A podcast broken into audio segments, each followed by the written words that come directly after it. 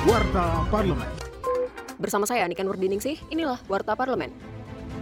Wakil Ketua Komisi 11 DPR RI, Amir Uskara, mengingatkan pemerintah untuk tetap menjaga pertumbuhan ekonomi sekaligus berupaya menekan inflasi di tahun 2024 mendatang. Politisi fraksi P3 ini juga menyinggung mengenai masa-masa pemilu yang akan digelar pada awal tahun 2024. Menurutnya penting untuk menjaga kondusivitas perekonomian di tengah tahun politik. Warta Parlemen.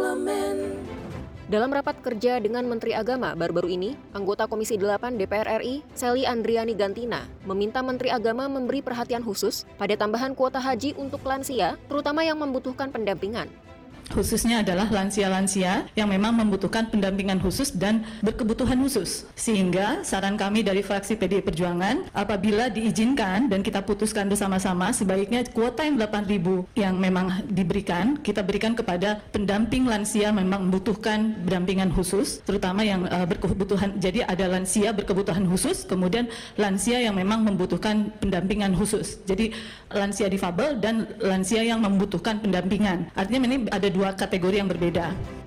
Kinerja Wakil Rakyat dapat Anda simak melalui media sosial DPR RI.